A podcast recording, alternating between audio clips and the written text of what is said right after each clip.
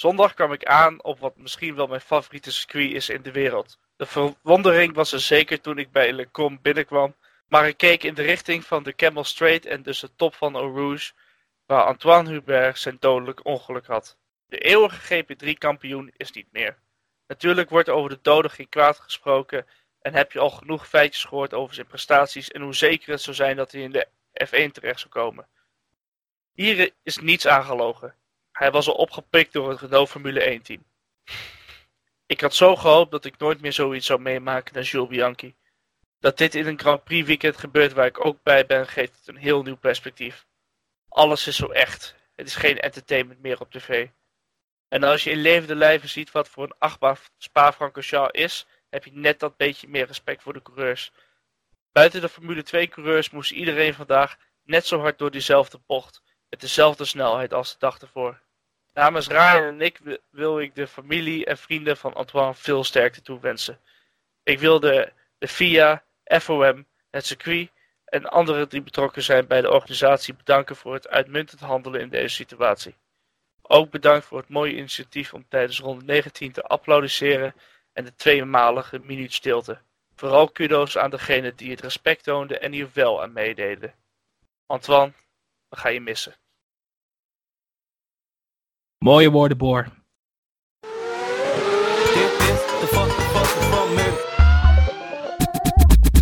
Het was een rode Grand Prix met een zwart randje. Charles Leclerc wordt zijn eerste race op Spa en droeg die op aan één man, Antoine Hubert. Hamilton en Mercedes kwamen net tekort om de Monegask in te halen en ook liet Alexander Albon zien klaar te zijn voor een stoeltje in de Red Bull. Welkom bij een nieuwe aflevering van de Formule Podcast. Boor, buiten het drama om, hoe was het op Spa-Francorchamps? Spa is een prachtige plek. Dat, ja, het is heel, ja, natuurlijk, was een beetje anders nu, nu ja, om erop te lopen dan uh, ik had gedacht. Maar het is toch wel, het is het circuit wat ik het meeste rijd als ik zelf ga simracen. Het is uh, het circuit dat ik het langste ken. Ik ben er ooit eerder geweest, uh, echt, maar dan, toen was ik echt acht of zo. En toen waren we eventjes bij de, ja, de grandstands bij de start-finish gaan kijken. Maar dat was niet tijdens een Formule 1 event of überhaupt een event. We waren gewoon in de buurt. Dus dat, uh, ja, het was best wel imposant. Ik heb nog een stukje rubber uh, meegenomen bij uh, Lecom. Waarschijnlijk van een Formule 1 auto. Nou, er waren geen DRS-bordjes meer, dus uh, had ik eigenlijk het liefst meegenomen, maar goed. Het is, ja, um, alle Nederlanders verdwenen wel. Nou, niet alle Nederlanders, maar veel Nederlanders verdwenen wel toen Max uitviel, hoor. Dat was, dat was heel apart om te zien voelde me net een Ajax ziet zo. Godverdomme! ja, die voel je, hè? ik, zag hem ook, ik zag hem ook niet aankomen. Jij met de voetbaldisses, wow. Uh, ja. ja, dat is wel terecht. dat is wel terecht. Ja, kan ja ik, ik, ik snap de kritiek wel die, uh, die, die hier en daar op Twitter rondgaat over uh, sommige Nederlandse fans die er zitten. Het, uh, ja, naast me was nog een gast, was enorm hard Kimmy aan het uitschelden. Alsof het Kimmy een lul was, maar...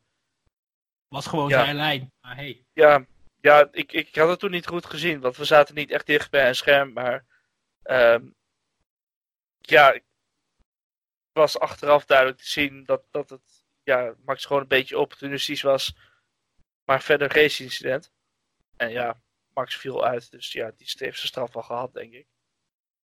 En uh, ja, maar ja, ik, ik had het toen nog niet gezien. Ik dacht van ja, ik wil het eerst even goed zien.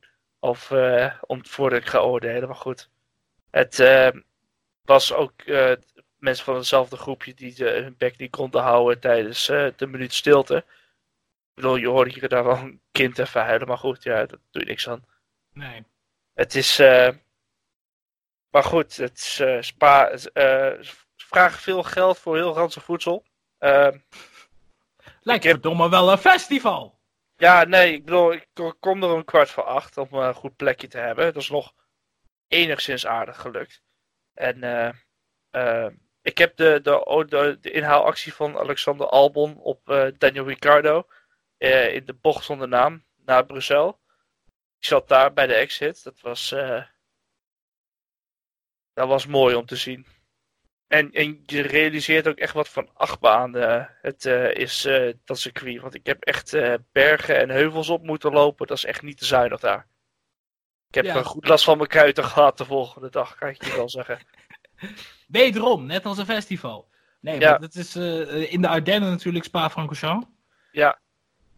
Toen we, toen we wegreden, gingen we. Ja, het was sowieso drama om daar weg te komen. Dus eh goede tip als je erheen gaat en eh, diezelfde avond nog weggaat. Wacht even, want we hebben gewoon twee uur lang op de eh, parkeerplaats zelf gestaan en er bewoog niks. Gewoon niks. Een van de uitgangen was gewoon geblokkeerd met een Suzuki Swift. Van wie die was, geen idee, nooit gezien. Terwijl we daar nog 2,5 uur hebben gewacht. was pas leuk geweest als het de blauwe Volvo was. Nee, maar blijf gewoon lekker op dat circuit hangen. Ga nog even naar de andere hoekjes lopen die je misschien nog niet gezien hebt. eh. of ga lekker gewoon een rondje over die hele baan lopen voor, tot, tot, dat, ke- tot het niet meer kan. Dus dat. eh, of ga bij de, ja, bij de pits en zo daar kijken naar de entertainment en zo die daar is. Dus eh, ik wist eigenlijk niet of dat eh naar de rest nog doorging, maar goed. Dus eh, ja, toen ga niet te veel haasten, want ik was. Ja, het was eh, twee uur heen rijden. En ja, vijf en een half uur terug. Zo. Ja, Ja, de, de wegen naar eh, en van eh Spa-Francorchamps staan berucht natuurlijk om de lange files. Beetje, eh, ja, net zoals Paul Ricard bijvoorbeeld in Frankrijk. Eh, dramatische situatie wat betreft verkeer. ja maar toch was, was, het, was het allemaal waard. Want ja, je krijgt in principe niet zo heel veel mee van de race zelf. Want ja, jij was degene die moest vertellen dat eh Giovinazzi nog gecrashed was en dat Lando Norris was uitgevallen. Totaal niks van meegekregen natuurlijk. Eh, ja, ik kijk vooral naar de volgorde van de auto's eh, die langskomen. En ik kijk een beetje op die Formule 1 timings app om te, ja, bij te houden wat de volgorde nou is, is en wie er al gepit is, gepit is en wie niet. Want ja, de, de, de Williams die zijn eh, natuurlijk snel op een ronde gezet. Het is, eh, je, ja, als je op één zo'n punt in een circuit zit, dan kan je nog best wel eh, zien. ja, het valt het heel erg op de verschillen die er zijn tussen het begin van het veld en de rest. En Robert Kubica. Ja, de gat tussen de top, het middenveld en Williams. En dan nog Robert Kubica. hey, hij heeft tenminste wel één punt. maar eh, voordat we volledig opdra eh, zeg maar afdwalen, even wat structuur in deze podcast. We beginnen natuurlijk altijd in de formule met de losers van de week. Loser! You're a loser! Are you feeling sorry for yourself? En we hebben, Ja. hem, net, we hebben hem net al even aangehouden, of eh, aangehaald. Sorry, Nederlands, moeilijk. Ehm, Max Verstappen was natuurlijk al heel snel klaar op Spa. En zeker een van de losers van de week. Want ja, eh, ik heb wel eens gelezen, of eh, hier en daar gelezen, de oude Max is terug. Nou met die onzin ga ik niet mee, maar dit was wel ouderwets. Hè? Max ziet een gat, is net te overhaast en dan sluit het gat heel snel. En dan is je race alweer voorbij. Ja, het, het is, het is dat, dat verliezen en dat verlies niet willen nemen en het zo snel mogelijk weer terug willen pakken. Ehm, ja, wat hij dus. ik, volgens mij heb ik een interview wel gezien hè, of eh, dat hij dat had verbeterd en zo, dat hij daar eh, eh, anders over dacht. Ehm, maar goed, deze keer niet. Maar goed, het was, niet, het was geen extreme fout die hij maakte. Het was niet onmogelijk wat hij daar deed per se. Het, het is vooral dat Kimmy hem niet had gezien. Volgens mij had Kimmy nog ruimte om Ja, naar links te gaan. Maar Ja, ja, het was niet zijn schuld dat hij het niet deed. Ja, het was niet dat hij het per se had moeten doen, want hij zag hem niet. En hij had gewoon de racelijn. Dus wat dat betreft eh, had hij dat niet hoeven doen. Maar goed, Nee, gewoon ja. ja, kutzooi. ja, klote. En eh, Max Verstappen was het dus al heel snel eh, kwijt. Daarna ging zijn wielophanging er ook af. En toen eh, ja, was het na, Rouge heel snel voorbij. En eh, belandde hij ergens de ba bandenstapel. Ik konden alle successupporters die niet voor Formule 1 houden. Maar alleen van Max Verstappen eigenlijk alweer in de auto naar huis stappen. Ehm, ja, het is gewoon een race-incident. Daar kunnen we duidelijk over zijn, denk ik. Ja, daar ben ik het wel mee eens. Het is, bedoel, als iemand fout zou uh, moeten zitten, dan was dat sowieso Max. Maar goed, hij is gecrashed. Dus ja, wat voor straf wil je hem nog geven? Nee, inderdaad. En um, bij een niet nader te noemen sportzender met rechten voor de Formule 1. wie, zou dat toch, wie zou dat, toch zijn? Wouden dus nog even, nog even iedereen wijsmaken dat het toch echt de schuld van Kimmy was. Maar uh, ook daar kwamen ze er uiteindelijk snel achter dat uh, er maar één logische conclusie was. Verstappen was iets te gehaast, die bocht. Uh, Kimmy ziet hem niet. Het is zijn lijn. Max wordt daardoor in de muur gedrukt. En uh, ja, eigenlijk is er, eigenlijk, uh, eigenlijk is er niet heel veel meer over te zeggen. waar ik inmiddels ook niet meer van weet wat ik er in godsnaam nog over moet zeggen, is Haas. De bunch of fucking wankers. Want um, ja, um, het gaat goed op zaterdag, het gaat slecht op zondag. Voor mij zeggen we dat het hele seizoen al. Um, en dit weekend op Spa ook weer helemaal niks. Ja, het, ja, ik zag ze ook steeds lang. Ja, zoals ik al zei, je ziet dat verschil steeds meer. En dat zag je bijvoorbeeld bij Haas ook. Dat, ja, dat verschil werd steeds groter. En ze gingen steeds maar achter. Je zat steeds. Uh, ja. Bij de Williams zitten. En ik denk van ja, maar ben je aan het vechten met de Williams? Wat is dit? De race pace van Haas, dat is het. ja, veel, ja het, is, het is elke week hetzelfde. Dus eigenlijk ja. Uh, super kort voor ze. Ik, ik, had, ik had meer van ze verwacht eigenlijk. Misschien nog wat meer voor ze gehoopt. Ja, ik had een kleine comeback gehoopt voor Haas. Um, maar ja, ze hebben nieuwe updates op de auto. Maar dat is dan op Spa. En ook volgende week op Monza niet zo heel uh, prettig. Want daar heb je, uh, daardoor hebben, hebben ze wel meer downforce. Maar ook meer weerstand. Dus meer drag. Uh, en met die grote lange stukken. Ja, dan breek je dat natuurlijk op. Grosjean zat op een gegeven moment ook te klagen dat hij 20 km per uur kwijt was. Nu is het Grosjean, dus het zal waarschijnlijk 5 kilometer zijn geweest of zoiets. Maar hij voelde in ieder geval aan die auto dat hij langzamer was. En op Spa wordt dat natuurlijk genadeloos afgestraft. En uiteindelijk reed half het middenveld uh, de twee hazen voorbij. En waar eindigde Magnussen nou? Die uh, eindigde bijna helemaal achteraan volgens mij. Even kijken. Of ik dat dan verkeerd? Oh, die eindigde twaalfde. Is niet helemaal achteraan, maar nee, close enough. Maar in ieder geval het, uh, het eindigde niet goed daar. Nee, twaalfde is, is zeg maar niet super slecht. Maar goed, hoeveel, hoeveel mensen zijn er uitgevallen? Twee? Drie? Even kijken, het zijn de Sainz, Giovinazzi en Verstappen. Sainz ook nog, ja. Ja, Giovinazzi dan... was pas op de laatste ronde natuurlijk.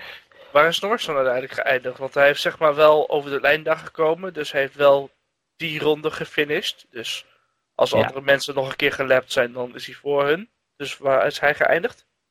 Hij is volgens mij... Elfde, toch? Elfde rangschikking. Ja, ik vind het heel verwarrend, want toen de race voorbij was, was het achtste. En nu is het elfde. Ja, ik, ik snap het helemaal niet. Maar uh, als we dan... komen we meteen bij hè, categorie losers van de week. Norris. Oh, hij lag vijfde. Beste carrière... Uh, eindrangschikking uh, lag zo voor het oprapen. Hij lag daar.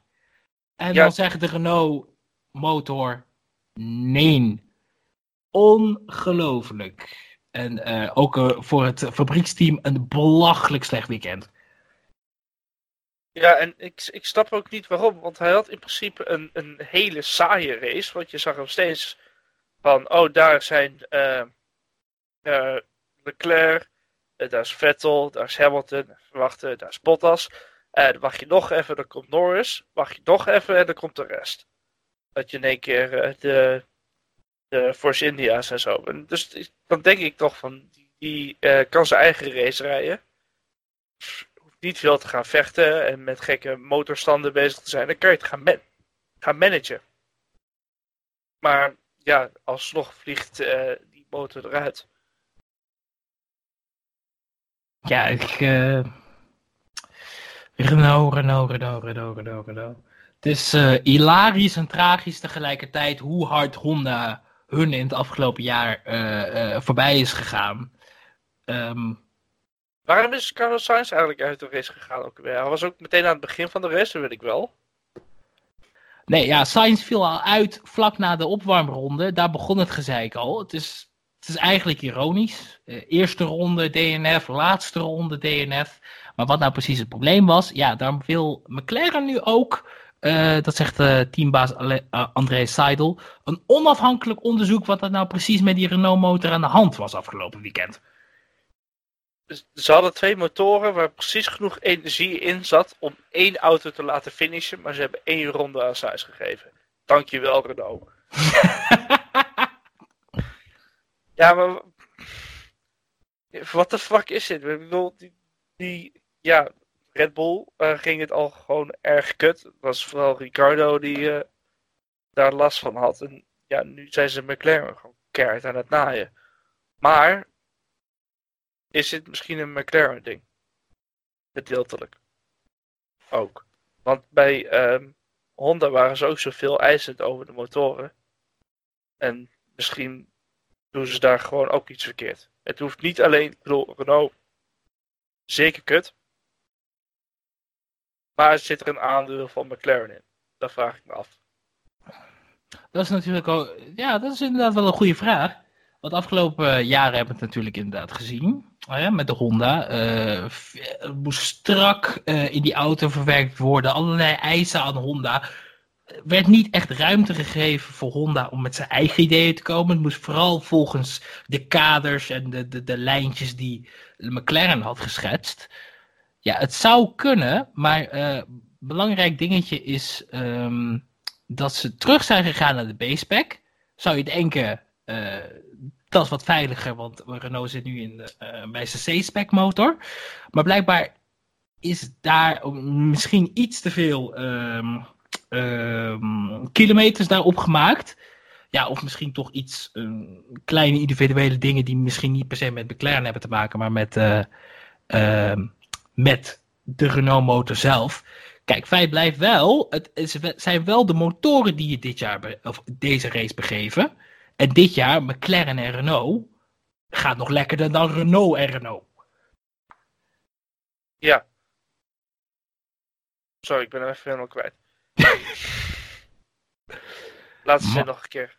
Maakt niet uit. Uh, nou, basically, ik zei van. Um, het, is, uh, het zou de Renault kunnen zijn. McLaren bleef bij de B-spec. Hadden upgra kunnen upgraden naar de C-spec. Zit misschien in de motor. Maar McLaren gaat natuurlijk wel het hele jaar al lekker. Met die Renault. Ja. Beter dan Renault.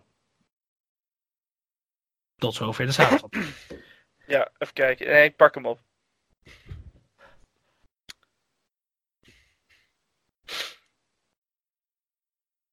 Ja, maar dan heb je denk ik over een heel ander probleem nog. En dat is ook hoe uh, Renault goed is in het bouwen van een auto. Naast de motor.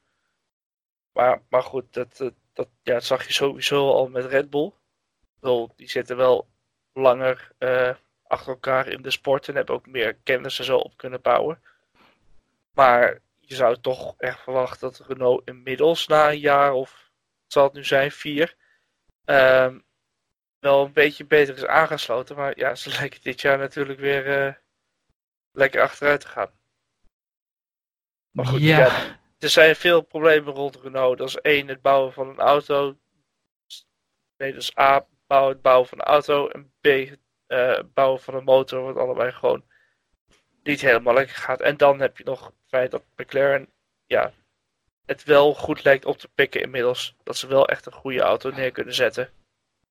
Niet zoals twee jaar geleden dat ze zeiden van oh ja, we hebben het beste chassis in het veld. um, ze hebben dit jaar hebben ze waarschijnlijk wel een daadwerkelijk een goed chassis. Want ja, anders lukt het niet. Nee, ze hebben waarschijnlijk wel het uh, beste chassis, chassis in het middenveld. Ehm, daadwerkelijk een keer. Maar eh, we hebben het voor mij ook wel eens eerder benoemd in deze podcast. Het is echt heel indrukwekkend waar, uh, waar McLaren vandaan komt. En um, er is ook een vergelijking gemaakt dat uh, McLaren ten opzichte van vorig jaar twee seconden heeft gewonnen. Om dat even in perspectief te plaatsen. Mercedes, de nieuwe Mercedes, de W10, die is 0, of 17e sneller dan de W9. En uh, de nieuwe McLaren is dus uh, twee seconden sneller dan de oude McLaren. Uh, maar dit weekend wou het gewoon niet meezitten voor hun op Spa. Dan hebben we de losers wel gehad eigenlijk. Ja, zullen we het dan over de winnaar hebben? De winnaar. Um, het was een mooi moment om zoveel verschillende redenen. allereerst dat hij won, zodat hij het kon opdragen aan Antoine Hubert. Maar ook dat hij eindelijk die lang verdiende overwinning in de Formule 1 op zijn naam heeft. Charles Leclerc is een racewinnaar. En, en de eerste uh, racewin van Ferrari dit jaar. Ook dat nog. Dat had, uh, wie dat bij de Toto had ingevuld uh, voor het begin van dit seizoen, krijgt ook wat geld. Ja, behoorlijk. Die, ja, die odds zullen wel. ja, ja, ik gok nooit. Om, omhoog of omlaag in dit. Zijn de odds omhoog of omlaag? De, de odds zijn om. Wacht even, hoe zeg je dat? het ook alweer? Even kijken, de odds zijn om. La. Ja, als het zeg maar minder waard is. Wat Ja. het dus is als je gewonnen hebt, dan, dan is de kans groter dat je. Hè, et cetera. Dan, is, dan gaan de odds omlaag. Als de odds omhoog gaan, is het volgens mij. Dat is een soort van hefboom, hè? Dan is het bijvoorbeeld van Ja. 1 op de 80, 1 op de 120. Zoiets. Ja, oké. Maar eh, gokken is niet echt mijn eh, eh, expertise. Maar ik denk dat het ongeveer zo werkt. Ja, nou, had het wel moeten doen dit weekend op Charles Leclerc. En ja, ik, gunde het hem sowieso, maar dan, ja, om alle drie de redenen die zijn genoemd eigenlijk. Voor Antoine zichzelf en voor Ferrari. Dat gewoon, ja, het is nu, het is, het is pas na de zomerstop dat een derde team een, een overwinning pakt, eigenlijk. Ja, dat is vrij uniek. Ja, ze hebben natuurlijk genoeg kansen gehad. Ik denk aan terug aan Bahrein. Ik denk terug aan Canada. eh, onder andere. Eh, maar goed, ja, Ferrari zat vooral zichzelf dwars. Of de Ferrari motor zat vooral Ferrari dwars. Ehm, maar ze hebben het nu toch eindelijk eh, geflikt. Helaas te laat voor de enige spanning in het kampioenschap. Maar hey, je kunt niet alles hebben. Het was in ieder geval een rete spannende race eh, als het gaat op plek 1 en 2. Want Mercedes, of Mercedes liep op een gegeven moment zo hard in dat je dacht van oh kut. En dan zie je nog een paar rondes die je denkt oh gaat hij hem nu net als bij mijn Max ga, gaat hij er echt een paar rondjes of zeg maar zelfs nog op het laatst voorbij. En toen kwam eh Giovinazzi, een Italiaan. Conspiracy. Mhm. Die rijdt hem dan net in de muur, waardoor onder, eh, onder gele vlag eh, de race eindigt. En gelukkig eh, Charles hem naar, naar, naar, naar huis kon rijden.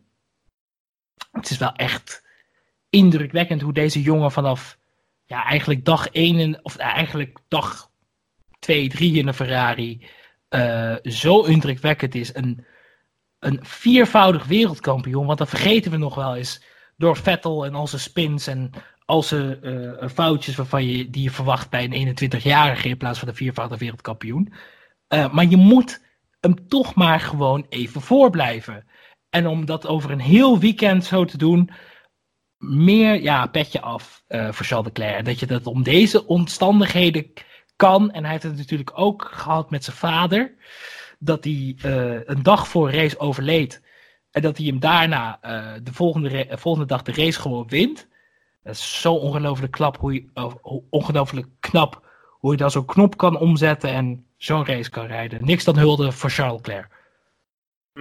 Misschien motiveert het hem allemaal nog meer. Maar ik, ik ga je zeggen, ik denk niet dat Vettel in 2021 nog in de Formule 1 rijdt. Nee. misschien, misschien gaat hij lekker met Kimmy bij Alfa Romeo zitten of zo. Dat lijkt me ook wel grappig. De Dream Team. Maar is Vettel daar, daar het type voor? Want ik, heb, ik, ik weet niet, bij Vettel heb ik toch altijd het idee, die man gaat liever op de camping zetten dan eh, in een, in een, ehm, in de middenveld auto nog even voor de lol eh, rijden? Ja, weet ik niet. Maar hij zit in ieder geval uh, ja, niet meer in die Ferrari dan. Want ik denk dat, dat Charles Leclerc hem met de komende anderhalf jaar nog verder aan gort gaan, gaat rijden dan dat hij al nu doet. Want het is, het, is, het is behoorlijk consistent aan het worden. Behoorlijk consistent. Ja, het is vaker wel dan niet. Um, en ja, Vettel heeft natuurlijk ook niet echt ik had ergens gehoopt dat als hij zeg maar, niet de veiligheid zou hebben van weet je, eerste coureur en Raikkonen die er toch wel achter rijdt. Uh, en als hij ervoor rijdt, dat hij toch wel wordt doorgelaten. Dat dat misschien iets in hem zou ontbranden. Iets van de oude winnaar Vettel zou terugbrengen. En dat hij zou laten zien van hé, hey, Charles Leclerc komt er misschien wel aan, maar deze kwaliteiten heb ik nog. En dat valt allemaal heel vies tegen, tot nu toe ja, je verwacht altijd dat ja, coureurs toch echt die bewijsdrang hebben en van dat ik ben de beste, maar, maar misschien, misschien is hij dat ook gewoon niet meer. Dat, misschien probeert hij het wel, maar is hij het gewoon niet. Ja, of, of, probeert hij de hard en daarom zijn er foutjes. Ja, het blijft gisteren natuurlijk. Uh, wat, wat, wat natuurlijk wel zo is, dat hij afgelopen weekend, toen um, Charles er voorbij moest, eigenlijk hem meteen er voorbij liet. Dan uh, kwam een Charles is faster than you. Uh, uh, bij Ferrari. En hij liet hem er uiteindelijk ook gewoon voorbij en kon zo zijn race gaan rijden. En heeft Hamilton ook fantastisch opgehouden. Ja, Vettel. Als een soort van Rubens Barrichello. Ja, aan het werk voor, voor, voor Leclerc. Het was bizar om te zien, maar. Ja, weet je ook eens hoe, hoe Kimmy zich voelde. Al die jaren. Maar hij had ook gewoon uh, zijn banden ook gewoon echt aan gort gereden. Want hij heeft als enige nog een stop gemaakt. Ja. Ja, nee, dat was ook wel weer typisch Ferrari. Als we dan toch even nog wat over, te, over hun te zeiken hebben. Uh, Hamilton was er voorbij. En toen had Ferrari Vettel gewoon naar binnen moeten halen. En Vettel kwam nog over de boordradio van... Uh, moeten we nog een keer stoppen? Toen zeiden ze, nee, nee, we moeten, nog niet, we moeten niet nog een keer stoppen. Toen zei Vettel van, ja, deze banden gaan het niet halen. En die banden waren het eind ook helemaal... En dan een paar la ronden later... Ronden later? Nee, dat is, geen, dat is geen Nederlands. Een paar ronden later, dat is wel Nederlands... Um, werd hij dan uiteindelijk er binnen gehaald. En dan denk ik, jongens, had nou gewoon naar de man geluisterd. Waar volgens mij Ferrari heel veel last van had uh, dit weekend was dat hun banden echt van een klif afstorten op een gegeven moment. Uh, van een beetje grip naar helemaal niks meer. En daar had Vettel uiteindelijk ook last van. En toen werd hij naar binnen gehaald toen het al te laat was. Dus zelfs in het weekend dat ze winnen, door een op zich best goede strategie, hebben ze het ook qua strategie weer weten te verneuken. Ja, uh, Mercedes ook, denk ik. Die, die waren wel langer doorgegaan, maar geholpen heeft het uiteindelijk voor het bevechten van Charles Leclerc niet. Ik bedoel, ja, uh, Vettel had nog een extra pitstop, dus dan, uh, ja, dan haal je niks meer. Maar ik denk ook, dat ze eerder uh, naar binnen hadden moeten gaan om, om Charles Leclerc te kunnen coveren. Want die op de mediums ging die nog best wel hard in het begin. En heeft toen best wel een gat gecreëerd. Wat ze met die vijf, vijf extra rondes aan ja, band dat ze nog uh, extra hadden op Ferrari. Ja, dan konden ze dat niet meer inhalen. Net niet. Nee, net niet. Net niet. Als het een paar rondes later had geduurd. Als er geen, geen vlag was, dan hadden we waarschijnlijk hier uh, met dingen gegooid. Uh, omdat het weer Mercedes was. Maar godzijdank is dat ons bespaard. En weer een overwinning voor Hamilton. hebben we Mercedes gehad. Ferrari gehad. Komen we aan bij Red Bull. En je weet wat ze over Aziatische mannen zeggen. Maar Alexander Albon komt met die big dick energy. ja, nee, dat was, uh, dat was wel even goed ballen tonen. Ik bedoel, ja, nee, ik, ik, ik zat erbij toen hij uh, Ricardo inhaalde. Dat, uh, dat was echt prachtig om te zien. Dat is, ik bedoel, Ricardo is zeker geen zachte om tegen te vechten. Oké, okay, Renault is niet wat het is. Maar toch, om op die plek uh, Ricardo uh, zo imponant, uh, imponerend voorbij te gaan. Petje af, zeker waar. En dat terwijl je nieuw bent bij Red Bull en maar uh, 11, 12 races achter je naam hebt in de Formule 1. Ik, ik vond het indrukwekkend. Um, de, de, eerste stint dacht ik nog van ja, goh, Albon begon natuurlijk van achteraan. Of bijna achteraan, want bijna iedereen had gridstraffen dit weekend. Um, en hij reed maar niet echt naar voren. Dus ik denk, nou, nou uh, zal wel even acclimatiseren. Misschien is het Gasly 2.0. Maar toen uh, uh, ging hij naar binnen voor zijn pitstop. En daarna, ik weet nog dat um, Olaf Bol zei van ja, hij moet dat nog wel even dichtrijden. Want er moeten heel veel mensen voor hem nog ehm, naar binnen. om nieuwe banden te halen. Of heel weinig mensen naar binnen om nieuwe banden te halen. De meeste zal hij op de baan voorbij moeten. En dat is hem ook gelukt. En uh, in stijl, uh, wat jij al zei, ja, je zat er bovenop met je neus. Buitenom bij Ricciardo. Echt de inhaalactie van het weekend. En ook even in de laatste ronde nog over het gras. Om Perez in te halen. Ja, uh, ik heb enorm van hem genoten. Ik, ik, ik geniet ieder interview nog steeds van hem. Want het is zo'n atypische Formule 1 krul coureur, weet je wel, uh, heel bescheiden, heel erg timide. Uh, totaal ook, niet, ja? Ook, maar ook wel gewoon, gewoon met, met humor en maar op een hele eer, eerlijke en ook een beetje zelfbewuste manier. Van, uh, er werd ook van uh, gezegd van, ja, dit is goed van, de, ah, ik, ik zie eigenlijk nog een verbeterpunt hoor, maar dankjewel man. Het is, ja, het is geinig om te zien. Het is, ja, beter dan een een robot uh, George Russell bijvoorbeeld.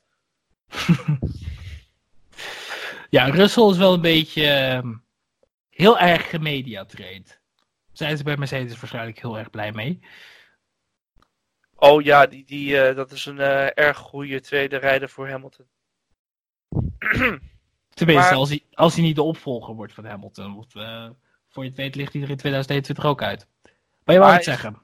Is ook een goede voor is ook goede voor Ferrari. Als zij met media zijn. Misschien wel beter. Ja, nee, inderdaad, qua zeg maar. Uh, social media is het inderdaad heel erg Ferrari. Al maakt Ferrari daar wel een kleine ontwikkeling nog in. Um, hun, hun, content durft af en toe een grapje te maken. Maar genoeg over de content van Ferrari. Ja, uh, Albon, ja. Trots op de boy trots op de boys, zo kunnen we het uh, wel, wel, kort samenvatten. Um, ja, het middenveld was echt een, uh, een feestje. Um, Shout-out naar Daniel Kvyat. Toch weer zevende. hij zit er gewoon weer bij. Er waren heel veel gevechten in het middenveld tussen Grosjean, Magnussen, Ricciardo. Uh, Stroll zat er ook nog bij. Het, het, was een, ik zat een ronde heel erg spannend. En um, Hulkenberg is achtste geëindigd. kleine woe voor Renault. Uh, onze grote vriend Pierre Gasly uh, teruggezet door Rosso, maar meld twee punten. En hij reed uh, onze Lance Stroll tiende. Kijk, ja, ja, niet precies meegekregen, want inderdaad dat middenveld, ja, dat ja, was één grote chaos. Uh, iedereen reed steeds anders. Was niet uh, bij te houden, kan ik je vertellen. Was niet bij te houden, ook op tv niet. Nee, ik, bedoel, ik kan me voorstellen, het zal wel allemaal op het uh, Campbell Strait zijn gebeurd. Meeste wel. Of, ja. of, of, zeg maar uitkomen, die bochten. daar waren ook nog wat gevechten. Gasly reed op een gegeven moment Magnussen ook van de baan af daar. Twee, één, twee bochten naar de Campbell Strait. Maar ja, maar leuke gevechtjes, maar uh, inderdaad vooral dat stuk inderdaad waar uh, werd ingehaald. Door alles en iedereen. Ja, dat is dan gewoon aansluiten in de DRS-terrein. Kan ik dan geloven. Maar goed. Dan hebben we alles wel weer besproken, Boor. Um, ik wil de luisteraar heel erg bedanken voor meer plays dan ooit. van onze laatste aflevering voor de zomerstop uh, werd meer beluisterd dan ooit bij, uh, over de Grand Prix van Hongarije. Heel erg bedankt daarvoor. En uh, blijf ons volgen op Twitter, F1 Formule. Deze podcast is te beluisteren op Apple Podcast, Google Podcast, Spotify, Breaker, Overcast, Pocketcast, Radio Public en Anchor. En dan hebben we deze week ook nog wat nieuws in de formule.